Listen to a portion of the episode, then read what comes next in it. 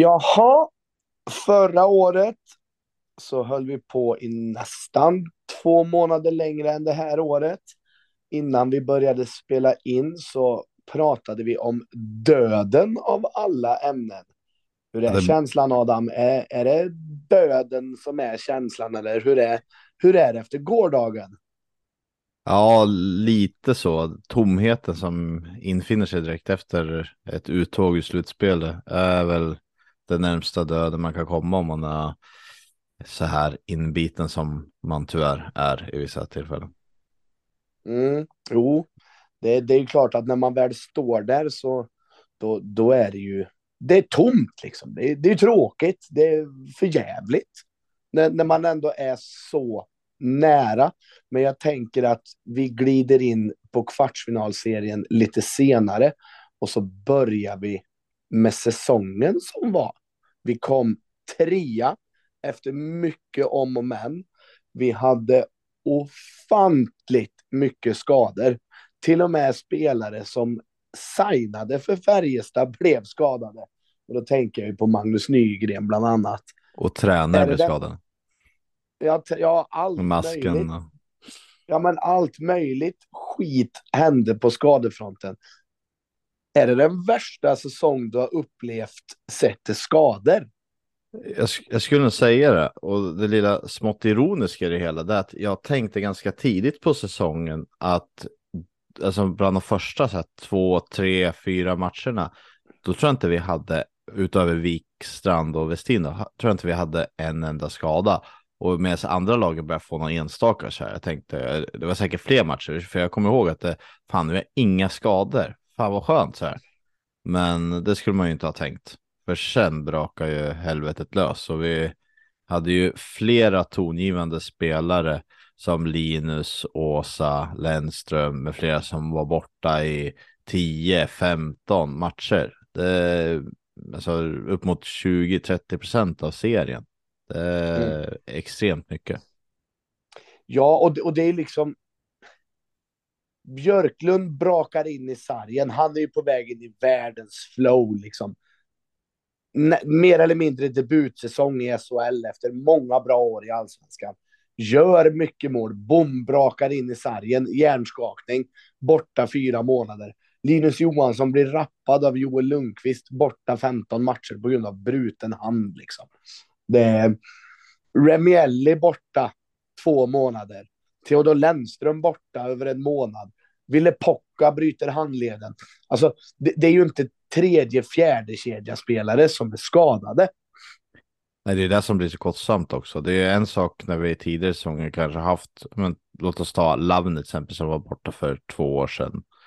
Eh, sådana spelare som är längre ner i laget.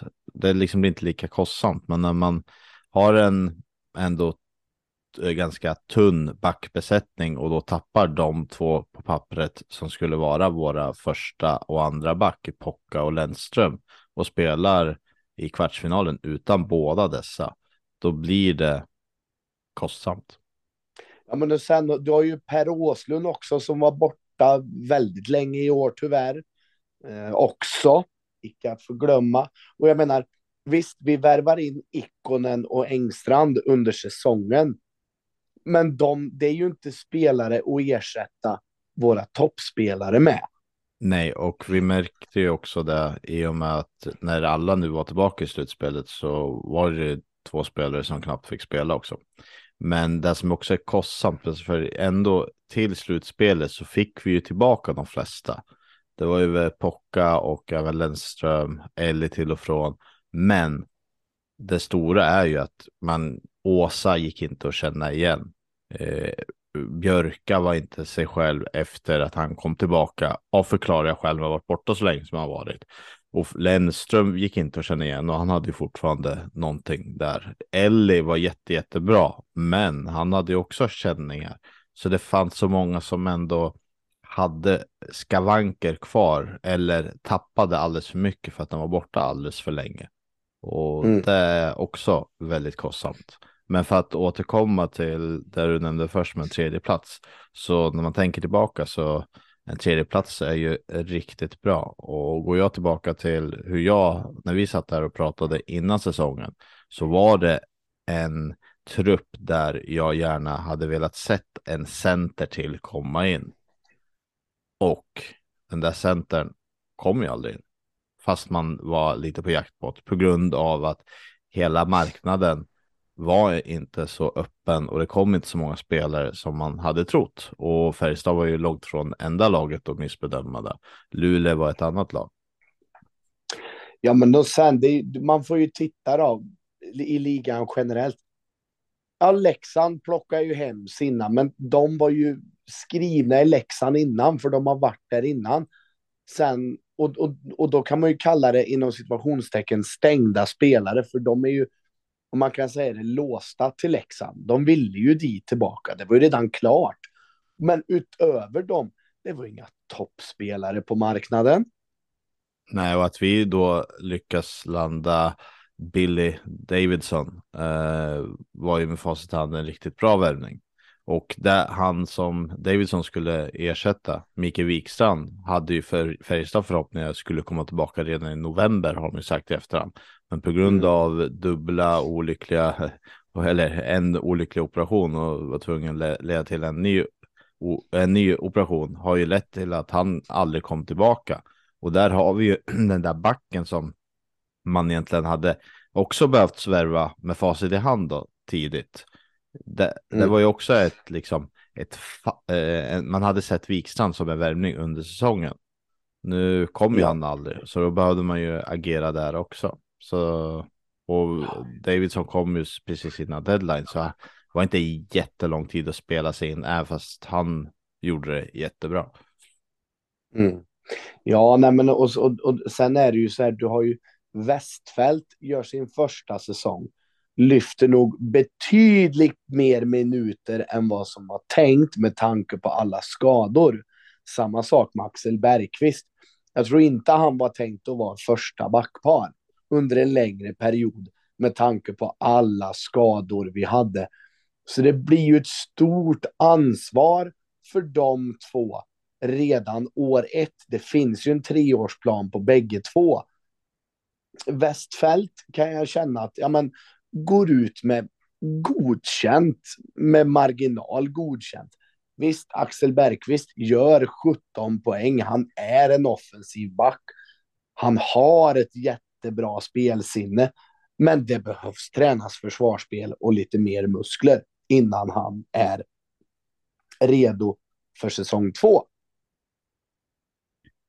Så är det.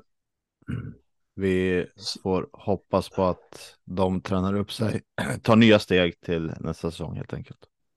Ja, det var ju det som var tanken med just de två också. Det ska ju vara, och det pratar vi ju med båda två egentligen eftersom vi hade dem som gäster.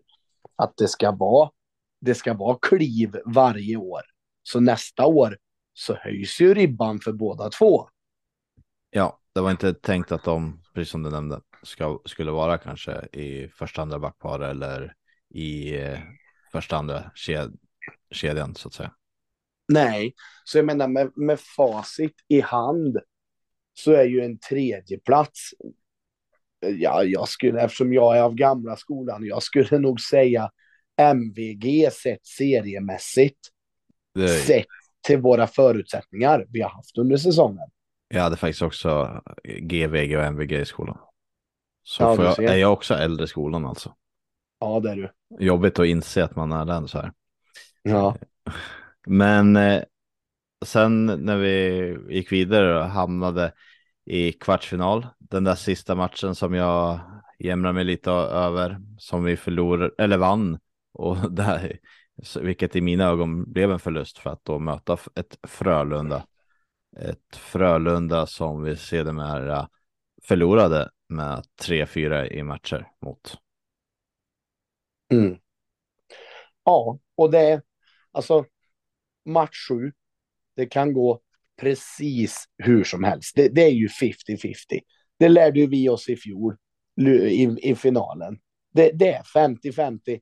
Den här gången Frölunda var strået vassare och vi har ju Micke Lindqvist. Nej, han gör inte tillräckligt mycket mål om man ska försvara honom, hade du tänkt att Micke Lindqvist skulle spela boxplay större delen av slutet av säsongen? Nej, så är det Han hade man så inte ens funderat på. Han har ju bland annat gjort mycket mer minuter i fel uppställning. Ja, och ett, eh, ett sluts eller en kvartsfinalserie där nu mot Frölunda där jag faktiskt tycker att Frölunda totalt sett har varit det bättre laget för de lyckades med att spela fast våra backar. De varenda gång så var det som att våra spelare bara stannade upp med puck och väntade in, men då kom Frölunda med en och två forecheckande och tog tag i pucken och vi kom liksom hade svårt att ta oss ur zonen på ett bra sätt. Förrän ja. till slutet, de två sista matcherna, det var egentligen då det kändes som att vi faktiskt lyckades lösa den. Men tyvärr lite sent och som du säger, sista matchen 50-50, taskig start, två insläppta, eh, tre utvisningar tror jag det var. Och det, där förlorade vi ju matchen i mångt och mycket, för andra och tredje perioden var ju bra mycket bättre sen. Ja, men det är de. Och, och sen också en stor del att vi förlorar den här kvartsfinalserien är ju boxplay, powerplay. Ja, special teams har inte varit tillräckligt bra egentligen på hela säsongen. Och kombinerat ja, med, en, med en stark målvakt hos eh, Frölunda då, i Lasse Johansson. Ja, jo men så är det. Men jag måste ändå säga att boxplay rycktes ändå upp. Det blev bättre och bättre ju längre säsongen blev. Men alltså vårt powerplay har ju tyvärr varit under all kritik under hela säsongen. Där är det ju någonting man måste lösa till nästa år om man vill gå långt i ett slutspel. Vad säger vi? Magnus Nygren, några slagskott i, från blå Ja, men det säger jag aldrig nej till. Och det, vi, vi vet ju, han är ju klar. Yep. Så det, det, det är ju ett anfallsvapen, men det måste komma på nya idéer än att ge pucken till Lillis, för det, det är tyvärr sönderläst. Ja, men så är det och det som jag har tjatat om tidigare. Lillis behöver ja, utveckla sin arsenal med att skjuta oftare och inte göra samma saker hela tiden. Men jag tror att en nygga som gillar att skjuta från blå kan bli positivt där. Ja, men, men om, om vi går tillbaka till slutspelserien där så är det ju så att vi då slut, blir utslagna i en kvartsfinal. Men tusan vad små marginaler där åt alla håll och kanter. För hade vi förlorat mot Frölunda i sista matchen för serien och vi hade mött Timrå. Jag är 110% säker på att vi hade slagit ut Timrå och varit i semifinal istället. Samtidigt hade vi den här, precis som du säger, 50-50 mot Frölunda och hade vi vunnit den matchen och nu blir det mycket om och men. Jag, jag hör hur det själv låter, men det var nära att Luleå skulle vinna sin serie. Då hade vi istället mött eh, Örebro eller Timrå beroende på hur det slutade där i en semifinal och då hade vi helt plötsligt jättebra chans att kunna gå till en final. Så ja. det är ju så sjukt jämnt i år har varit. Det var ju alla fyra matchserier gick ju till sex matcher och tre av fyra gick till sju matcher. Det visar ju ja. bara hur sjukt jämnt det har varit och ja. kommer säkert vara nu i, i kommande semifinaler och finaler. Och även om man inte har så jättestort intresse kring det så tänkte jag ju fråga dig hur du tror att det kommer sluta då. Om vi börjar med Skellefteå mot eh, Örebro. Alltså, jag, jag, är ju så jävla tråkig här nu så jag, jag, jag säger ju. Jag bryr mig inte. Men okej okay då, Skellefteå och Örebro, det är 4-0 i matcher. Skellefteå till final. Ja, och Växjö Frölunda då? 4-1 till Växjö. Ja. Jag tror ju, jag har inte riktigt tänkt på resultaten, men jag säger väl Skellefteå att de vinner med 4-2 och så tror jag att eh, Ja, Växjö tar 4-3 matcher mot Frölunda. Jag tror den kommer gå långt. Och så båda vi var överens om att Skellefteå och Växjö då i final. Och vad tror du där?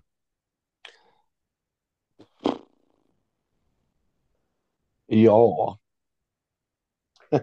återigen, jag kunde ju inte bry mig mindre för det är inte mitt lag som spelar, men ja. Nej, då säger jag Skellefteå. Ja. Och jag De är, tror, de, de är bra i år. jag tror tyvärr också Skellefteå. Så jag tror väl att de kanske vinner med 4-2 i, även i finalen sen. Så om vi, om vi ser så blir det Skellefteå som tyvärr tar guldet. Men det är jäkla pest eller kolera på lagen som är kvar om jag säger så. Ja, alltså det, och, och det är ju vi- vilket lag som helst som är vidare. Men Örebro, nej, aldrig. Frölunda, glöm. Växjö, plast, aldrig. Och Skellefteå och den kopplingen jag har till Skellefteå så nej fy fan. mm, nej, men det, tänka på det. det, kommer du titta på någon mer eh, SM-slutspelshockey då? Nej, det brukar dö ganska snabbt. Nu ska jag åka upp till Skellefteå nu eh, lagom till att semifinalerna håller på där över påsk. Så eh, kanske blir att man att den lär väl vara på tv-apparaterna där så det kanske blir att man småsneglar. Men jag tror inte jag kommer ju långt ifrån bänka mig. Så att säga. Mm. Ja. Så det, ja, nej, intresset dör ju ganska omedelbart. Och det är en jävla skillnad när vi åker ut nu och dessutom nu när all snö som har kommit så vi åker ut och det är snö ute. Det känns ju helt fel. Ja, det sa ju Linus Johansson i, igår också i Stefan Erikssons fantastiska magasin. Eh, måste ändå passa på att hylla Stefan där för det jobbet han gör med det magasinet. Oerhört uppskattat hos många. Ja, jag håller med. Ja. Ja, vad, vad, vad sa Jag har faktiskt inte hunnit eh, se det senaste. Så. Nej, men alltså man ser ju på Linus, han är ju jätteledsen och så säger han det. Det är så jävla konstigt. Vi, vi vill ju spela hockey. Visst, många har ont, men jag vill hellre spela hockey och ha ont än att ha den här känslan och åka ur och vara färdig. Vi vill ju spela och dessutom när det är snö ute och inte spela hockey. Det, nej, det är bara fel. Men jag vet inte, vi pratar om det här med tomhet och grejer. Men det är klart att det går var man tom och grejer. Men jag ska referera till eh, Superklinga som var med i våran podd första året. När han sa, ja men vinna guld. Ja men man är ju skitglad. I, liksom fram till det börjar. Men sen då? Det är ju skitsvårt att försvara ett guld. Så de senaste 20 åren så är det bara Skellefteå som har lyckats göra det en gång då. Försvara. Ja men, ja, men exakt. Och, och det är ju det. Inför den här säsongen, ja, vi är mästare. Du vet, så här, åka runt och sjunga vi är mästare. Det, det, är, ju mäkt, det är ju mäktigt som fan liksom. Men jag är redan idag kände jag, är så jävla taggad på nästa säsong. Ja, jag är dock inte lika taggad med tanke på det eventuella lagbygget som inte känns helt hundra. Men det kommer vi tillbaka till lite senare. Men Ja. på tal där om eh, att vara svensk mästare. Eh, när man var lite bitter och sådär, tänkte jag tillbaka på förra året och kom, på, och kom att tänka på ens dotter som föddes. Och, eh, hade lite tråkigt så jag räknade ut att 97,3 procent av hennes liv har hon varit svensk mästare så att säga. Som supporter. Ja, ja du ser. Ja. Nej, men Och så det, det, det, det är liksom så här. Förra året tog vi guld. Svinroligt. Alltså det är det bästa som finns att vinna guld. Men man vaknar ju inte upp dagen efter och bara, jag är så jävla taggad på nästa säsong. För då var det ju fest och trevligheter och allt det här. Men nu, det är ju bara så här, oh, ge mig nästa säsong imorgon. Jag vill börja nu. Ta Ja. revansch liksom. Kvartsfinal, det, det är inte godkänt. Även om vi var svinnära en semi, men nej, jag... vi gjorde det så gott vi kunde efter alla förutsättningar. Men det är inte godkänt att åka ut en kvart. ja, jag tycker det är så jävla jämnt så att jag säger det beror på lite hur sättet och med tanke på hur jämnt det är så är det svårt att säga att det på något sätt skulle vara fiasko liknande även om man på förhand i alla fall skulle vilja sluta topp fyra. Så det är så sjukt ovisst och jämnt som det var nu Mm. så. Men alltså jag, eh, jag, skulle, jag skulle inte kalla det för fiasko. Det, det är det ju inte, för vi, det är ändå sju matcher det går till. Men det är ändå så här, ah, det är inte godkänt. Så Det- ja, godkänt, men eh, är det ett VG eller MVG? Det är en annan sak. Ja. men, men, nej, nej, eh, men man, man, man är ju... Nej, nej. Det... Färjestad BK ska ta sig förbi en kvartsfinal. Ja, men det, jag, jag, tycker det. Men som sagt, det finns ju olika sätt man kan åka ut på. Hade vi åkt ut med ja, men... 0-4 nu mot Frölunda, då hade jag inte varit glad. Ja, jo, nej, men och sen sett förutsättningar till säsongen. Det är kanske jag som har för höga krav, jag vet inte. Alltså, serien ger man MVG och sen bom ut en kvart i match sju liksom. Det är, ja. ja men, det, det så, små så, marginaler. Så, så kan man ju se det. Om man, det är väl lite så jag känner att om man räknar ihop serie och slutspel så tycker jag ändå att det är en uh, okej okay, slash bra säsong. Men ser man bara till slutspelet så känns det ju inte bra att åka ut i bara kvart. Och ser man bara till serien så efter förutsättningarna var det ju bra, väldigt bra. Men ja. eh, innan vi går in, över lite på vidare så måste vi ju nämna hemmapubliken och bortapubliken i Skandinavien. Ja, det är absolut toppklass i Sverige. Um, vi hyllade Stefan Eriksson förut för hans magasin. Uh, Mattias Westman som kommer med idén. Vi stänger av musiken. Men du, en bara... fråga nu bara. En fråga nu. Är, ja. Jag ser här, du har ju webbkameran igång. Visst fan är det en Westman som står där med någonting riktat mot ditt huvud? För att du ska säga det här eh, för, för en gångs skull så har jag faktiskt ingen kamera på, så det där stämmer ju inte riktigt. Men nej, det, det gör han faktiskt inte. Men, för, för, de som, för de som lyssnar så finns det en anledning till att han inte har kameran igång. För han har haft kameran igång alldeles för många gånger. Och alldeles för många gånger har man sett saker man inte vill se. Så, punkt. eh, nej, men alltså det, det är ju bara att kolla. Vi stänger av musiken, låter publiken sköta introt. Match 1, sittplats ställer upp. Alla står upp, alla sjunger. Samma match 2, signalerar till sittplats, ställer upp och liksom sjunger den ramsan. Alla sjunger med. Sista matchen här nu, alltså jag ryser. Det räckte bara att Niklas visslar och bara viftar med händerna två gånger. Alla bara bom, står upp. Alltså det är så mäktigt och jag twittrade om det här. Karlstad-publiken har visat att förra året var inte en engångsföreteelse. Våran sittplats har gått från trötta slipsnissar till toppklass i landet. Och jag är så jävla stolt och glad över mina kamrater på ståplats som har slitit för det här. Att det finns en bra dialog med klubben och att liksom klubben lyssnar, tar till sig, kommer med idéer. Det är skitbra.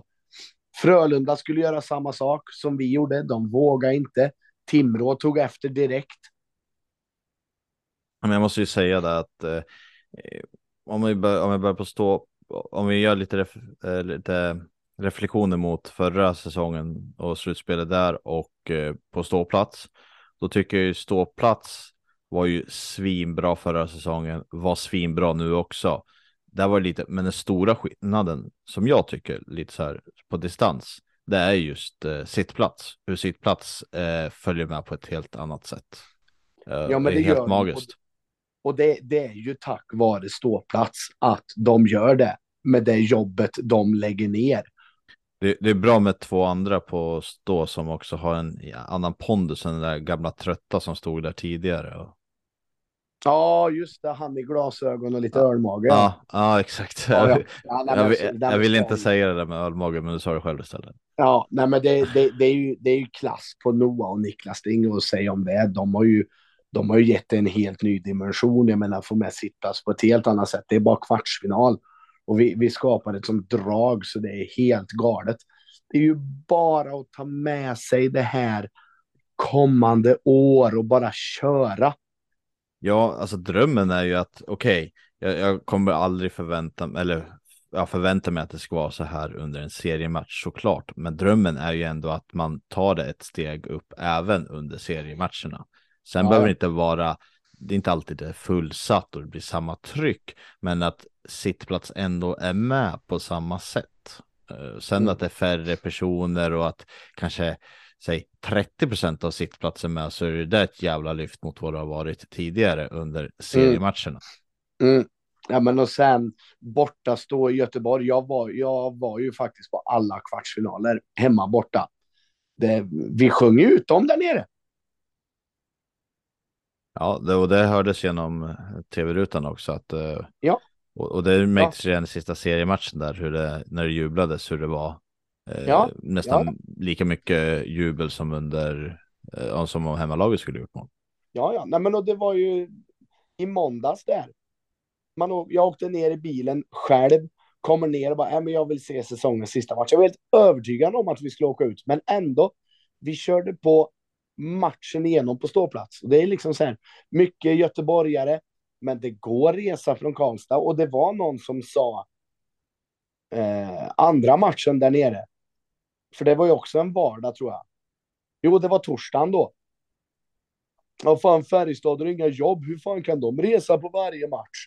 Ja, men det är 23 mil. Anpassar man sina jobbtider lite grann och har bra chefer så kanske man kan gå en timme tidigare. Men de trodde ju att vi var arbetslösa, för de var då fan inte här på vardagsmatcherna.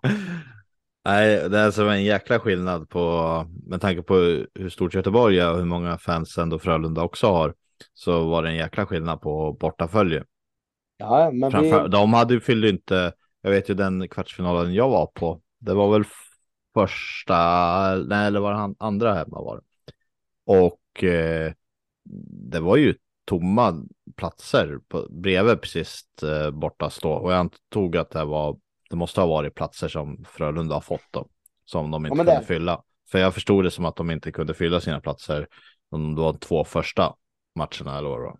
Helgmatchen Nej, lyckades de följa, följa eller följa. Eh, ja, grattis åka 23 mil en lördag. Wow. Exakt. Så det, Så... Nej, men alltså våran publik har ju. Ja, men vi Färjestad-publiken är tillbaka. Det är liksom så här fine, ståplatsen är helt värdelös. Men man gör det så förbannat bra efter mm. förutsättningarna. Och, precis, precis som du sa så hylla att dialogen går framåt och den nämns ju även på medlemsmötena som har varit att eh, det finns ju några utsedda och det sker liksom en bättre dialog nu, vilket är kanon. Ja, Ja, nej men så jag är helt övertygad om att våran publik kommer vara topp i landet de kommande åren. Jag är helt övertygad. Stor eloge till våra supportrar, vår publik. All cred till er.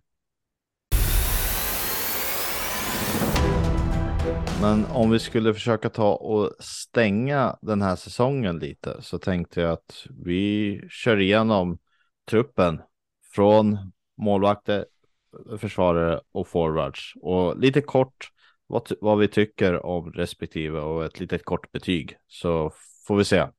Vi har ju kört liknande i början av säsongerna för att säga vad vi tycker och tänker kring dem. Och nu kommer lite facit hur det slutade. Så Andreas, om vi börjar med Dennis Hildeby. Uh, ja, men stabil trea. Nu verkar det som att han lämnar, så det är jäkligt synd att vi inte får se en trea bli en fyra, fyra och en halva. Ja, han, om jag säger så skulle jag ge honom en trea också. Jag tycker prestationen han har gjort har varit bra. Eh, tyvärr har han inte kanske spelat så mycket, eller tyvärr, på ett sätt så är det som jag ville. Förväntningen mellan Tomkins och Hildeby, den Eh, fördelningen blev som jag trodde och ville. Eh, men eh, samtidigt är det ju jättesynd för Hildeby tror jag kommer kunna ta stora steg. Men han, som sagt, han lämnar troligtvis för NHL slash AHL. Så eh, vi kommer kanske inte få se det steget nu, men kanske i framtiden. Eh, så går vi vidare till Matt Tomkins. Så börjar jag då. Så skulle jag ge honom en fyra. Jag tycker att han har varit stabil och bra. Eh, för det mesta rakt igenom och under slutspelet var han en, en bidragande faktor till att vi faktiskt höll oss kvar när spelet var mindre bra. Ja, jag skulle nog ge han tre och en halv. Vart stabil, absolut. Vart bra, väldigt bra. Eh, några matcher också, men det. Det har kommit några lätta mål tyvärr, men ja, därav stabil målvakt, men inte mer. Vi kör vidare med försvarare. Axel Bergqvist. Ja, men 17 poäng som första år i SHL, det skojar man inte bort. Det är bra offensiva siffror för en ung nykomling till back, men defensiven alldeles för svag. Eh, två och en halv. Ja, han slutade trea bland backar i poäng då i Färjestad. Eh, han eh, slog bland annat Joel Nyström. Det var bara Pocka och eh, Lennström som hade fler poäng. Men eh, jag håller med om att det defensiva eh, och misstagen har varit alldeles för grova helt enkelt för att väga upp hans poänggörande. För att han ska ha de tabbarna, då skulle han behövt vara uppe på ja, 52 matcher skulle han nästan behövt vara uppe på 30 poäng för att jag skulle tycka att det börjar likna någonting, att det kompenserar.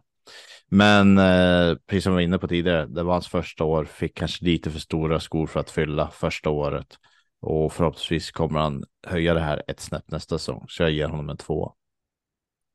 Nästa mm. back, då kör vi Brandon Billy Davidson och jag ger honom vä på väldigt kort stund så ger jag honom ändå på den prestationen en uh, fyra. Trea kanske om man ser till att det var så kort del, men eh, jag ger honom en fyra. Jag tycker han var riktigt stabil, eh, bi bidrog liksom med stopp i spelet och var, var liksom den här jäkligt stabil på en bra hög nivå. Så ja, tre, fyra. Ja, jag vacklar lite där. Jag vill inte sätta en halv betyg, men jag sätter fyra för att han gjorde mål i sista matchen. Då vill jag bara lyfta två skandaler. Ett, han heter inte Brandon längre. Han heter Billy Davidsson. Och den andra skandalen är att du inte ger han en femma. Klockren femma. Förläng, förläng, förläng. Vi hoppar vidare då till eh, Mattias Göransson. Mattias Göransson, vad ska man säga? Alltså, syns han inte, då är han som bäst. Stabil trea. Jag är inte så jätteimponerad. Visst, han var bra i boxplay och så där. Och precis som du säger, han har en väldigt eh, tyst roll eh, som inte syns så mycket. Men jag skulle ge honom en två. Theodor Lennström. Och sett till hela säsongen. Ja, då alltså i början var han ju en femma, rakt igenom femma, femma, femma. Sen kom han tillbaka, var lite sämre, kanske ner på en fyra och slutspelet var han inte mer än en trea max. Eh, men eh, ja, det är svårt. Det är ju fem eller fyra i alla fall, så är det.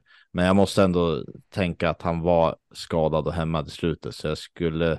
Nej, jag får. Jag måste ge honom en fyra eftersom det ändå han inte var bäst när det gällde. Nej, men då är ju också där, alltså det är ju. Det är ju, det är ju en skada han åker på eh, i första matchen mot Frölunda och innan det så var det en annan skada och jag. De var ju desperat behov av honom. De kanske skickar tillbaka han lite för tidigt med den där foten. Eh, men det är ju som du säger innan det, innan den skadan, det är ju SHLs överlägset bästa back. Mm. Uh, alltså, he, alltså helt outstanding var han.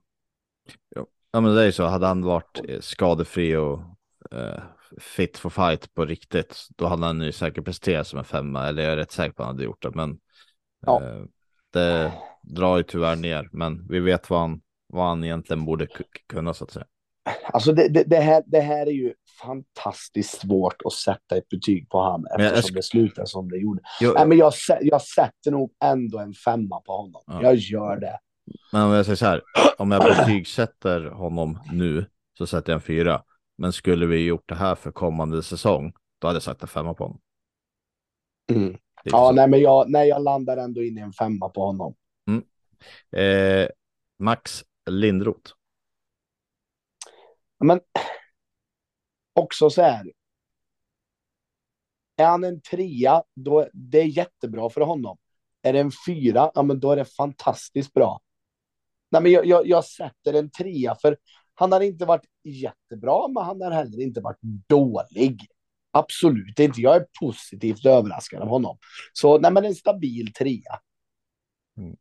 Och jag har egentligen aldrig riktigt fastnat för honom. Eh, men precis som du säger, han har aldrig varit så här dålig. Vissa kan man ju se liksom gör misstag. Alltså, ta Bergqvist som liksom, jag sett har gjort misstag. Det har ju inte Max riktigt gjort. Eh, men samtidigt har han inte eh, visat det där lilla extra. Visst, han hade några fina offensiva ruscher som har varit och så där. Men eh, mm, jag vacklar mellan två och tre, men får försöka vara lite positiv och ge honom en trea ändå. Mm. Så kör jag vidare med Joel Nyström och där sätter jag en fyra. Han har varit riktigt bra egentligen hela säsongen. Nu till kommande säsong som kommer eh, när vi har honom som en av egentligen toppbackarna. Han kommer ju lira ett av powerplayerna högst troligtvis och eh, Nygge i det andra. Jag skulle vilja se Nyström gå upp mot eh, 25 poäng nästa säsong, 25-30 poäng. Då kommer han upp där till den där femman. Men det, det, det är ju som, du, som det är med Joel också. Det är en ung uppkommande back. Tog kliv i fjol, tog ytterligare kliv i fjol. Nej, han är inte en femma än, men han har alla möjligheter att bli. Men en väldigt stabil fyra är han just nu. Då får du gå vidare med Ville Pocka. Stjärnförvärvet som var så upphåsat har vunnit allt och lite till på klubblagsnivå, eh, landslagsnivå. Det där var ju liksom profilvärvningen. Uh, nu blev han skadad när hans prime skulle börja i slutspelet, men sätter förväntningar. Två, två och en halv. Ja, jag skulle ge honom en eh, trea för visst att han var lite ja, till och från eh, dålig, men eh, spelade ändå upp sig i slut och när han har varit borta, dels hade han en skadeperiod innan och sen han hade det sen, eller om det var avstängning, kommer inte ihåg, jag kommer att han var borta där. Eh, och även sen nu när han var skadad i slutet så insåg man att vi hade haft en jävla nytta av honom. Så jag, jag, ty jag tycker han är en tre. Men det, det, det, det är ju det som gör, alltså hade han varit med i kvartsfinalserien så hade han ju garanterat fått högre betyg än två och en halv av mig. Men eftersom han inte, eftersom han bröt handleden oturligt nog ja, men då fick han ju inte chansen att visa. Men under grundserien, nej, två och en halv. Men jag tycker, ja, han, vi är lite oense, vi skiljer en emellan så här lite då och då. Men eh, vi, mm. eh, vi kör vidare med August Tornberg och där skulle jag sätta en eh, trea och eh, om jag säger så här att, att Tornberg är närmare en fyra än Pockad till exempel. Det trodde inte jag på förhand. Men Tornberg är ju den som, ja, i backsidan är nog den som har överraskat mig absolut bäst positivt sett. Och eh, jag tycker han har varit riktigt stabil och han har varit ganska kvick. Och, men samtidigt stor och stark. Uh, jag gillar det och jag är jättenöjd över att vi har honom på kontrakt ett, ett år till. Ja, och, och gre grejen är ju med honom där att så som han började säsongerna, då hade jag nog fan satt en etta på honom, för uh, vad svårt han hade i början. Men där har du ju en kille som har växt match efter match efter match och blivit bättre och bättre och bättre. Tre och en halv slutar han på. Ja, Ja, och han, alltså han är ju äldre och han har liksom, det här är hans första SHL-säsong och, som 30-åring. Så ja. det här är det väldigt, väldigt imponerad över det och eh, med tanke på var han kommer från ålder och eh, första säsongen i SHL så är han ju extremt billig spelare också. Så ja, ba ba ba bang for a buck på honom så är nog om man räknar bort juniorkontrakten, rookie-kontrakten så är det där nog en av dem vi faktiskt har fått ut mest per krona skulle jag tro. Ja, men det skulle jag säga med tanke på förväntningar och hur han börjar säsongen kontra hur han avslutar den så är han ju nej, men stabil, bra. Mm. Om vi hoppar vidare till en annan, eh, inom citat, gamling som eh, inte gjorde debut, men som du var inne på tidigare, nästintill gjorde sin första SHL-säsong som ordinarie i alla fall. Och det är ju Henrik Björklund. Alltså hade inte han och på den där förvaskade hjärnskakningen så hade jag nog fasen kunnat sätta en femma på han. Men nu missar han fyra månader av säsongen, men det han gjorde innan. Det, det, det är ju, det är ju fyrskalig siffra liksom, men vi glider ändå ner till en trea. Ja, jag är inne på det där också att det han gjorde i början, alltså på säsongen innan han skadade sig. Han gjorde 12 poäng på 14 matcher. Han gjorde dubbla mål den matchen han skadade sig och eh, var en fyra femma under den serietiden. Och sen kom slutspelet och han hade inte spelat på vad det nu var fyra månader. Och mm. där gick det inte. Alltså han gjorde ett mål och han gjorde, han blev, han, man såg ganska tydligt att han faktiskt också blev bättre och bättre för varje match. Och då spelade mm. han inte så jättemånga matcher. Så det var sju matcher då. Han var med från start där och eh, han hade blivit bättre i semifinal och så vidare. Och eh, förhoppningsvis kan han bibehålla det så som han började förra säsongen, att han fortsätter så till nästa. För oj, vad han var duktig, viktig, nyttig. Och han är ju mm. också en spelare som, hade han varit hel hela säsongen och kommit till slutspelet så är det ju en spelare som man hade rätt, som kändes väldigt slutspelskompatibel. Och jag, oh ja. eh, sett till det här så, ja, jag vacklar mellan tre och fyra, men eh, jag skulle nog ändå sätta en, en fyra på honom faktiskt. Sett till att han, eller ja, tre, han spelar så lite. Ja, ja det är svårt, men jag, får säga en trea då. Sen hoppar jag vidare med eh, Viktor Ejdsell och där har vi en spelare som varierat mycket upp och ner under säsongen tycker jag. Och i slutspelet, precis som tidigare, tycker jag att han har höjt sig ett snäpp. Men eh, 3-4, 3-4, jag säger nog en eh, trea på honom. Ja, och jag sätter också en trea. Hade gärna satt en fyra på honom, men nej, han kom inte riktigt upp till det i år tyvärr. I slutspel i fjol var han ju en solklar femma, men nej, i år blir det tre. Yes. Sen hoppar vi vidare till Remy Ellie. Ja. Ja, men det, det får jag ändå landa in på en fyra tycker jag. Mm. Nej, jag håller med. Jag sätter en fyra där också, för han jag tyckte att han var bra i hela grundserien, att han var där kring en 3-4 eh, mm. och blev bättre och bättre. Och sen under slutspelet, även om man inte gjorde poäng, så när han kom in och lirade så bidrog han ju enormt med sitt framförallt fysiska spel. Och, och det, det, är ju lite därför betyget höjs också från en trea till en fyra på de här sju slutspelsmatcherna. Mm. Ja, han, han... Jäkl, jäklar vilken skillnad han gjorde. Ja, och tänk dig honom då om han hade varit i form så att säga. Han var ju också ja. skadad intill.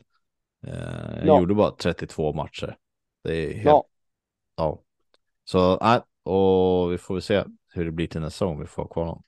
Sen hoppar vi vidare till eh, Erik Engstrand och honom skulle väl jag ge en etta. Även, ja. om, även om hans inställning och att han, han var också en som ändå växte lite med tiden och ja, köpte sin roll så. Men jag tycker att det, nej, det var liksom inte riktigt tillräckligt. Nej, nej, men det alltså där har du en kille som behöver börja om i allsvenskan. Och han är, han är också en ung spelare född 00 så det finns ju ja. möjligheter för honom att växa Potential finns, men det ja. där är ju en poängspelare i grund och botten, så ja. han behöver ju börja om i allsvenskan. Nej, men en, en, en ettan och annat kan man inte sätta. Sen har vi den som jag har varnat lite som ett, jag undrar om inte jag hade den som utropstecken om vi pratar om det början på säsongen, men det känns som att jag borde haft det. Men eh, Lukas Forsell. Ja, nej, men sätter förväntningar och där har du också en kille som ska ta kliv. Nej, men det, det landar ju in på en stabil trea liksom. Han öppnade ju slutspelet kanon och avslutade serien kanon. Ja. Eh, dundra in en massa mål. Ja, eh, det gjorde han. Och, men jag håller med att han slutar på en eh, trea och har stor potential att gå upp till en fyra nästa säsong. Helt klart. Om Absolut. Han... Slutar, tar han vid där han slutar så är det ju alla möjligheter att bli en fyra. Men det är så det ska vara med de här unga talangerna. De ska ju hela tiden ta kliv. Icke att förglömma att han var utlånad till Bofors under delar av säsongen som var. Så är det. Han, han kom upp i 35 matcher uh, och det är inte så många, men det är nästan lika många som resten av laget höll jag på att säga. Ja, exakt. Med tanke på skador. Nej, men det, han, han, landar ändå in på en stabil trea, men inte mer och inte ja. mindre. Ja. Eh, Jasse Ikonen. Ett. Ja, den etta. Fick inte jättemycket chanser sen heller, men där han fick i början när han kom så lyckades han inte överbevisa så mycket annat. Nej, vi, vi behövde en kropp, vi tog in en kropp, that's it. Ja. Sen går jag vidare med kapten Linus Johansson och där har vi en som match efter match presterar. Var också borta en ett period på grund av handskadan där. Eh, var väl en av våra bästa spelare i slutspelet också som vanligt. Det här är en spelare som sen han har varit i Färjestad och även där lilla jag såg hans sista säsong i Djurgården innan han kom till oss då man hade lite extra ögon på honom så är det en spelare som är bäst när det gäller, är bäst i slutet på säsongerna varenda år. Och jag ger honom en fyra eller femma. Jag skulle nog totalt sett med tanke på allt han bidrar. Jag sätter, jag höll på att svära, en femma på honom. Ja, och jag. Eh, nej, men det, är, alltså det, det, det är ju som du säger, han är stabil, han är vår kapten. Han är jättebra kapten för det här laget. Han går i bräschen för det här laget. Men det, nej, men det landar in en fyra. Sen har vi Oskar Lavner. Eh, stabil trea. Förhoppningsvis blir tre och en halv nästa år. Han visar att han är snabb och han är en som om man kommer rätt kan bryta mönster och eh, göra så match. Det känns som en sån här som när matcher står och väger så är han en sån som ibland kan lyckas göra det där viktiga målet. Men Eh, jag, ja, jag ger honom bara en tvåa. Jag vill se att han tar ett eller två steg till egentligen. Eh, helt klart. Sen mm. har vi nummer 34 som jag går vidare med. Micke Linkan Linkvist. Eh, en av säsongens eh, ja, vet du, misslyckanden, på säga. besvikelser skulle jag säga. Men precis som du var inne på tidigare i podden så är det också, han har ju fått roller som han inte var men, tänkt och menad för med boxplay lir och spela mycket boxplay tar ju krafter från hans offensiva sida istället, tyvärr. Men eh, med det sagt så tycker jag ändå att ja, det, boxplayet, även som du också var inne på, så det har blivit bättre, men det är liksom inte så att jag tycker att hans boxplay-spel på något sätt har eh, vägt upp där vi vet att han har tidigare har kunnat i det offensiva.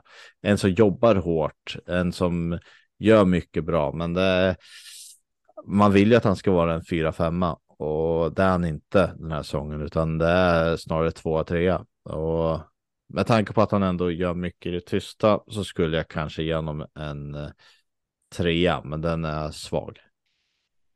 Alltså det, det, det, det är ju det här som är så fantastiskt. Vi pratade om han innan och vi, vi snackar ju liksom på 40 poängs nivån på honom. Gjorde vi inför säsongen. Mm. Och vi, vi hypar ju upp han ganska hårt. Sen kom ju alla de här förbannade skadorna och som sagt han får spela. Han får spela minuter som han inte ska spela, men det är ju så här. Vårt powerplay har knackat hela säsongen. Han ska ju vara en stor del i det powerplayet och göra mycket mål. Han gör inte det.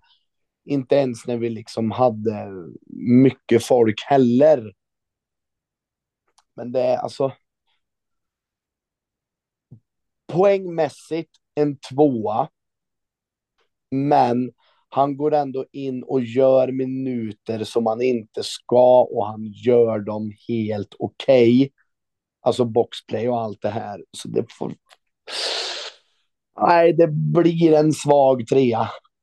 Ja, vi är ganska överens där. Det var lite så jag kände också att det offensiva ja. har inte men, varit men det, alls. Men det här är ju en kille som du säger som ska vara 4-5. Ja.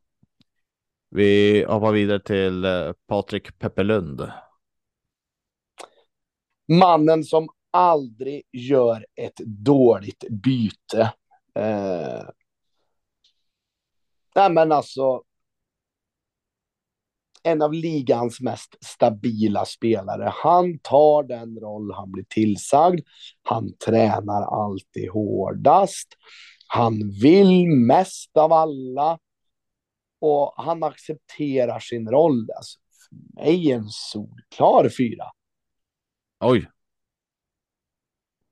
Det var överraskande högt. Men vi, vi, Ja. vi, men vi minns Forsells eh, kärleksförklaring till Peppe Lund efter en match i serien.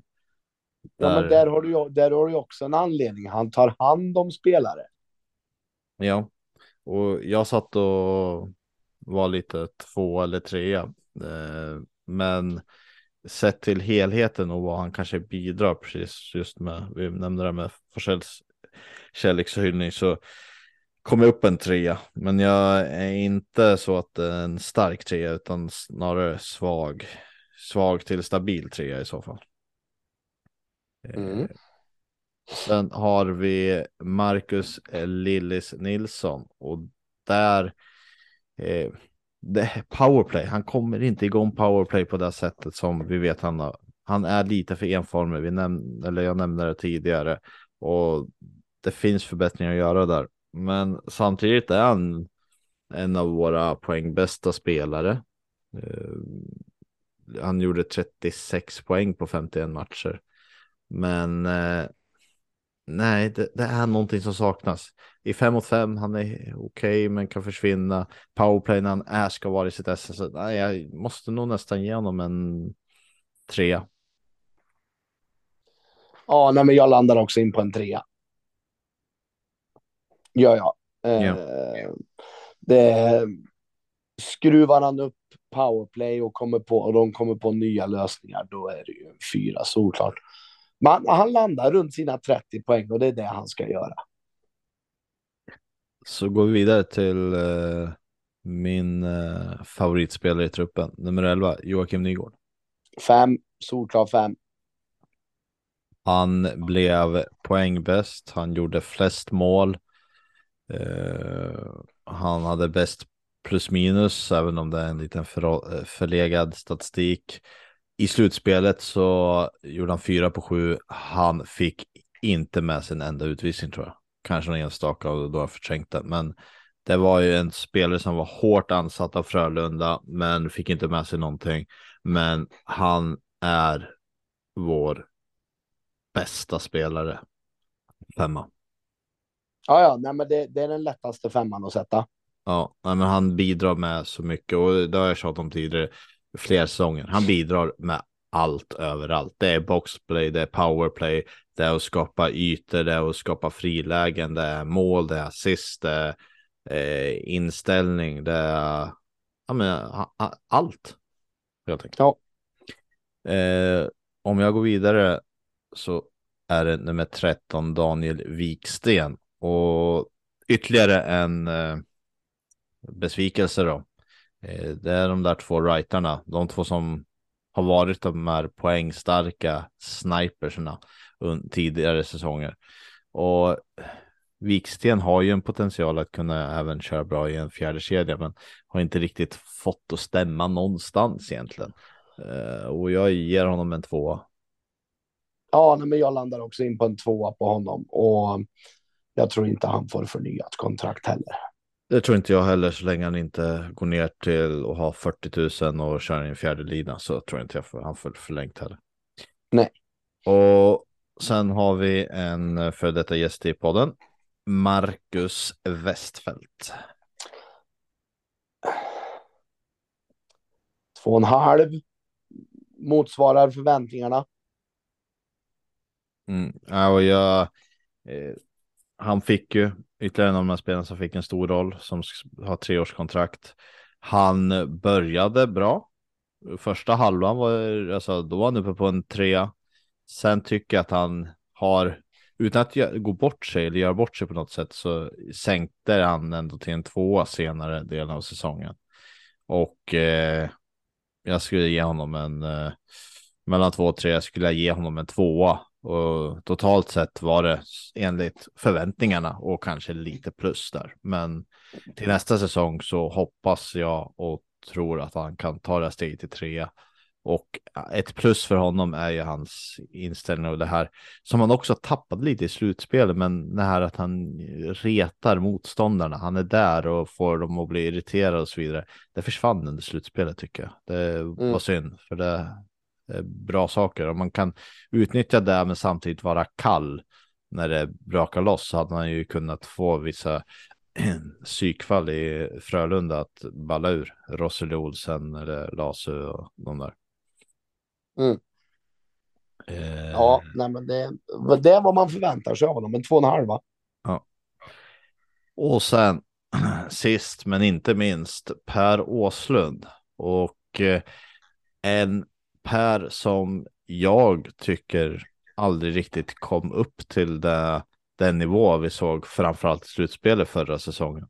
En spelare som normalt sett är väldigt stabil och gör mycket bra. Tyvärr totalt sett lite av en besvikelse och var ju också borta på grund av skador som ställde till det. Så eh, mm, kanske var en tre i början på säsongen, men och tvåa mot slutet och nästan så att det är väldigt osynlig, men ja, tvåa totalt sett. Ja, jag sätter en trea. Yes. Det var uh, truppen. Mm, vi tar väl och stänger säsongen 22-23 med det och hoppar vidare till nästa säsong.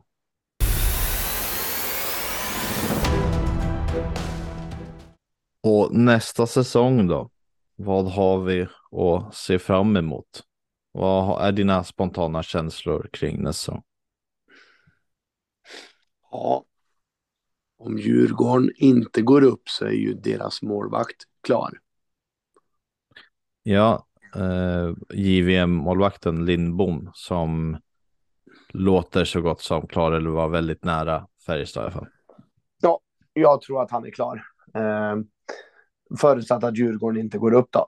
Eh, och det är ju en väldigt eh, spännande ersättare till Dennis.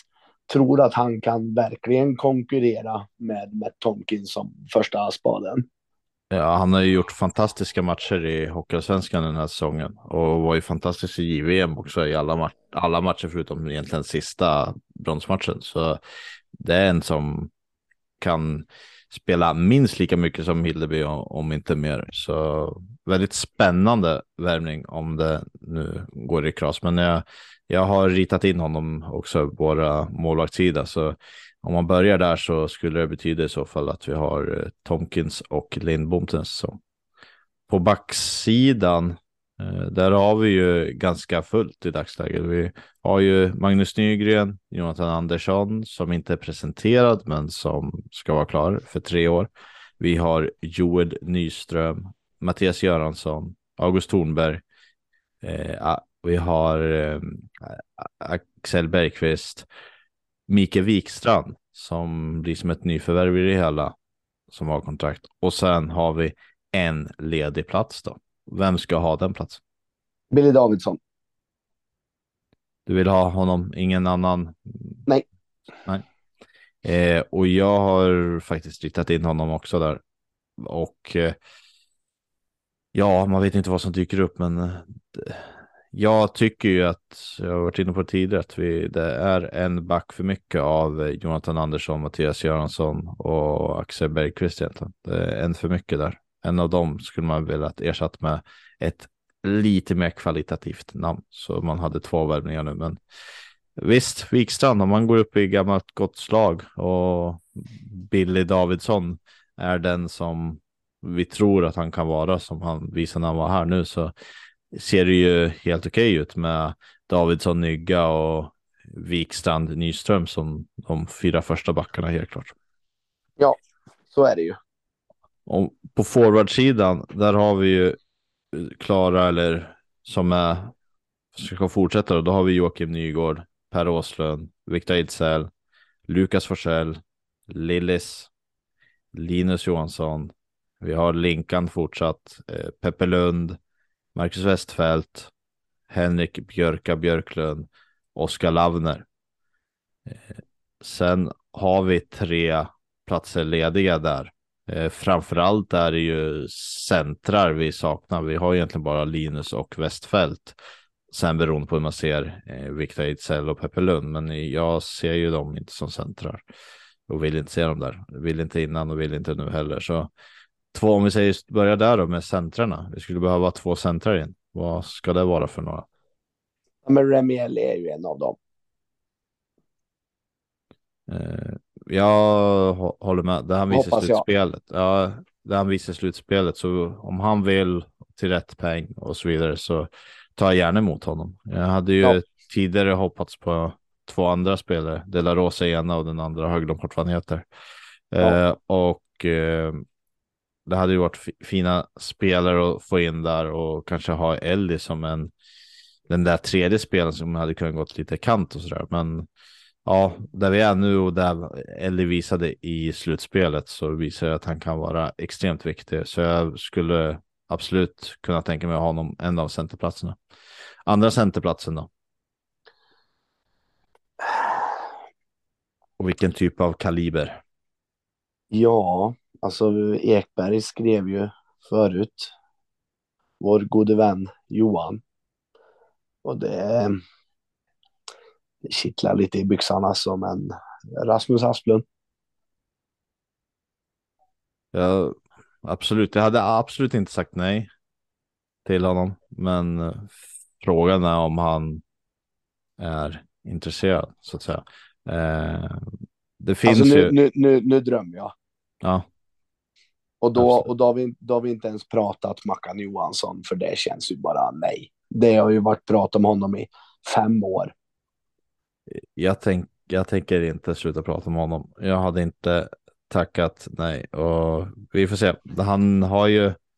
Det finns ju andra Björka nu i laget och Nygga tillbaka 90-talisterna. Mm. Så. Ja, det, alltså det är klart, får man drömma så är det ju Mackan Johansson och Rasmus Asplund. Mm. Jakob, Men. Jakob Petersson. Känns väldigt osannolikt.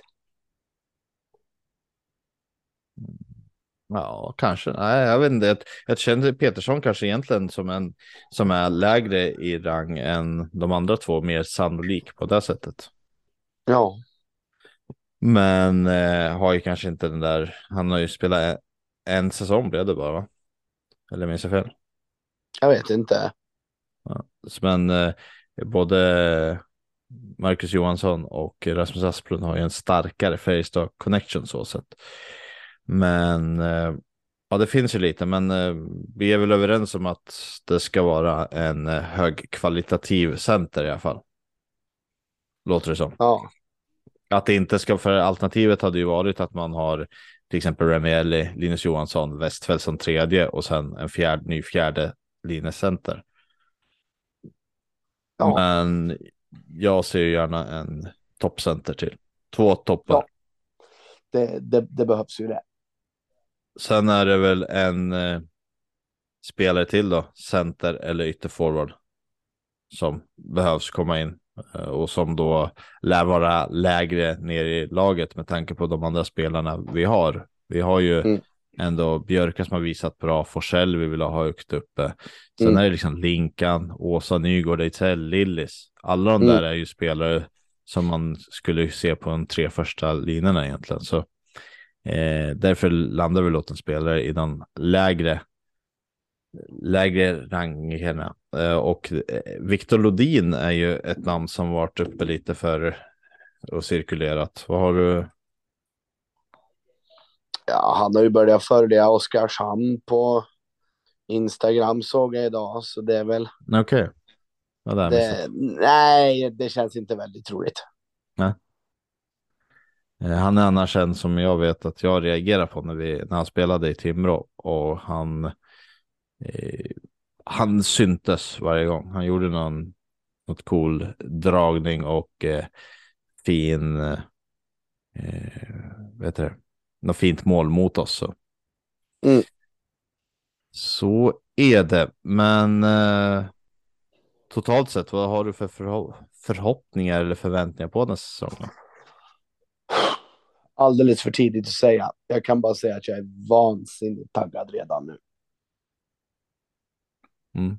Ja, jag har ju svårt för den där eh, taggningen just nu. Man är lite tom och sådär. Men eh, ja, jag, jag känner ju att på förhand känns det som att vårt lag nästa säsong inte kommer vara lika starkt som det var den här säsongen.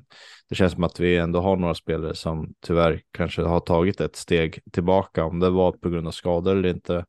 Jag vet inte, men eh, det finns fler i laget. Så precis nu vi gick igenom många som kanske låg på två, tre som annars kan ha förväntningar ska vara fyra i alla fall.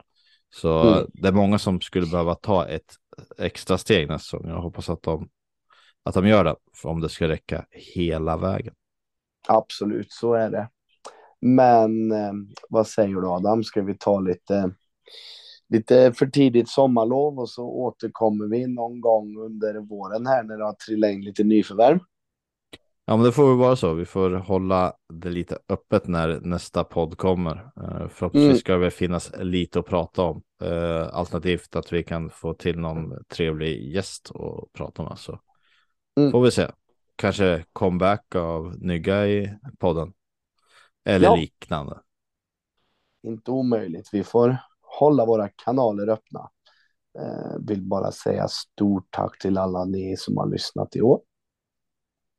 Mm, absolut. Det, tacksamt alla som har velat vara med här och lyssnat. Eh, Svinkul att eh, vi har alla er lyssnare. Eh, vi får avsluta med att säga att vi faktiskt tog ett SM-guld dock i ESHL för de som missade det. Så nå- någonting fick vi med oss Färjestad som förening det här, Ja. här året. Dataspelet ja. Ja, exakt. Så, Ja. så får vi hoppas. Och förresten, jag glömde säga det, men den där sista, eh, sista breddspelaren som vi pratade om. Jag blir inte förvånad om det blir Måns Karlsson från Mora. Vi avslutar med det. Spännande. Men du, eh, ha en trevlig semester då så hörs vi. Detsamma. Och glöm inte Ja. att följa oss på sociala medier så hörs vi. Ha det bra. Ha det bra. Hej.